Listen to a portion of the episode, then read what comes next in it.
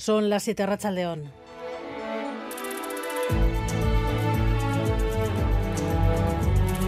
Gambara con Arancha García.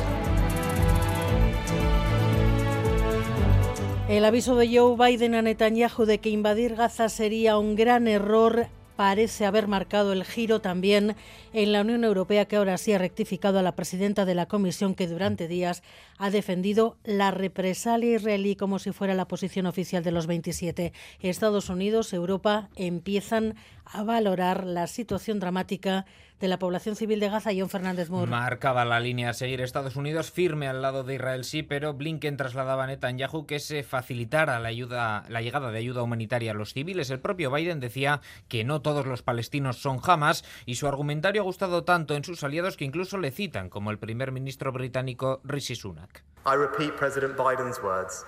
As democracies, Pedía una que Israel actúe de acuerdo a la legalidad internacional y tras idas y venidas la Unión Europea parece encaminarse al fin hacia una versión única. Charles Michel, presidente del Consejo, decía que es urgente asistir a los civiles cumpliendo con las leyes humanitarias. Añadía Charles Michel que Israel tiene derecho a la defensa pero respetando la legalidad internacional. Israel sigue acumulando tanques y tropas en el entorno de Gaza para forzar la evacuación de la zona norte. El éxodo ya se calcula en medio millón de personas personas pendientes de que la presión internacional consiga abrir algún corredor humanitario que permita al menos el paso de medicinas, de alimentos y de agua. Porque todos los accesos a la franja continúan cerrados sin que llegue la ayuda humanitaria y con los bombardeos que no cesan son ya más de 2.800 los muertos en Gaza por los bombardeos israelíes. La comunidad internacional, liderada por la propia ONU, pide la apertura del paso fronterizo de Rafah. Todavía no se ha producido y de momento las negociaciones para una tregua que exige la vasta mayoría de los actores internacionales no han dado resultado. De hecho, desde Gaza denuncian que Israel habría bombardeado sus inmediaciones de ese paso fronterizo de Rafah una vez más. Entre tanto, entre bombas, más de la mitad de la población del norte de Gaza, en torno a 600.000 personas se han desplazado ya hacia el sur, como ha exigido Israel.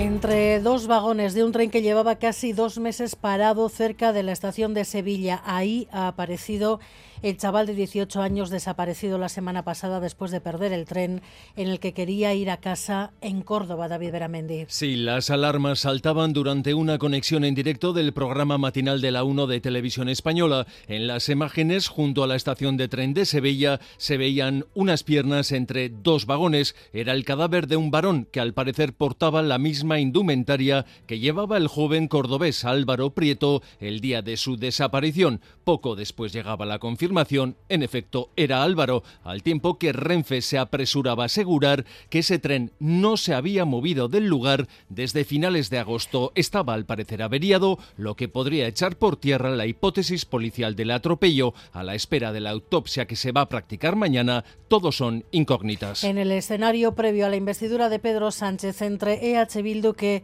tras la foto del viernes dice que se han situado en una nueva fase política que muchos tratan de evitar.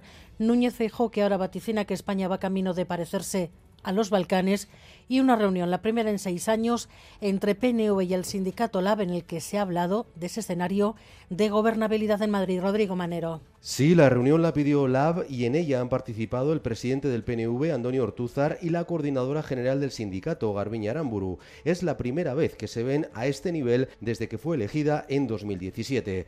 LAB ha trasladado a los gelchales la agenda sociolaboral que a su juicio debería marcar las negociaciones para la investidura de Pedro Sánchez y las reivindicaciones de cara a la próxima huelga del sector público en Euskadi.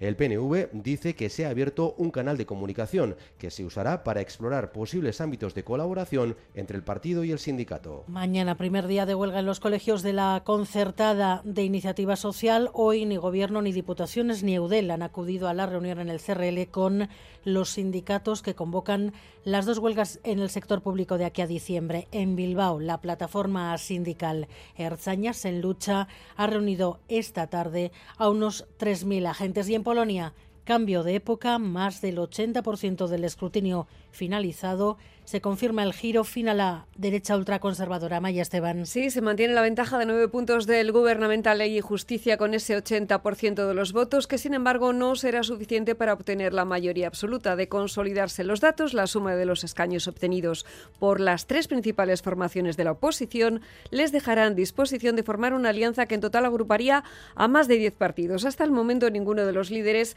ha ido más allá de una valoración positiva de la masiva participación, que con un 70 73%, ha batido el récord en la historia de la democracia polaca. La Comisión Electoral ha confirmado también, en cambio, la baja participación de los electores en el referéndum planteado por el Gobierno que, mediante cuatro preguntas, buscaba el respaldo a su política social y contra el Plan Europeo de Inmigración. Se espera la publicación de resultados definitivos de las elecciones generales mañana martes a mediodía, momento a partir del cual el presidente Duda tendrá 30 días para encargar a una de las candidaturas la formación del nuevo gobierno. Y vamos con los deportes, Eduardo. García, Rachaldeón. ¿Qué tal, Rachaldeón? Con un nombre propio en el día de hoy, el de Yeray Álvarez, el jugador del Atlético que va a tener que pasar por el quirófano, será este próximo miércoles para ser operado de una lesión en el aductor. Se la produjo en el último partido liguero el pasado día 6 ante el Almería y eso le va a tener de baja por espacio de unos tres meses, con lo cual hay un problema para el Atlético es que se queda con tan solo dos centrales de la primera plantilla, Vivian y Paredes, para afrontar además de aquí a final de año una parte muy exigente del calendario, puesto que la Copa entra en escena. El miércoles, de hecho, se va a sortear ya la primera ronda. Habrá que ver qué decisión toma Ernesto Valverde y a quién puede reubicar en esa zona de la defensa, teniendo en cuenta que lo próximo, por ejemplo, es jugar ante el Barça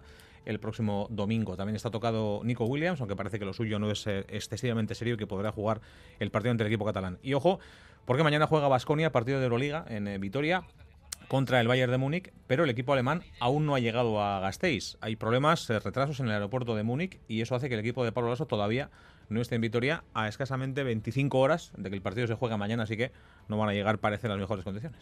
Bueno, pues habrá que estar pendientes. Miguel Ortiz y Alberto Sobel ya están en la dirección técnica, Cristina Vázquez en la producción.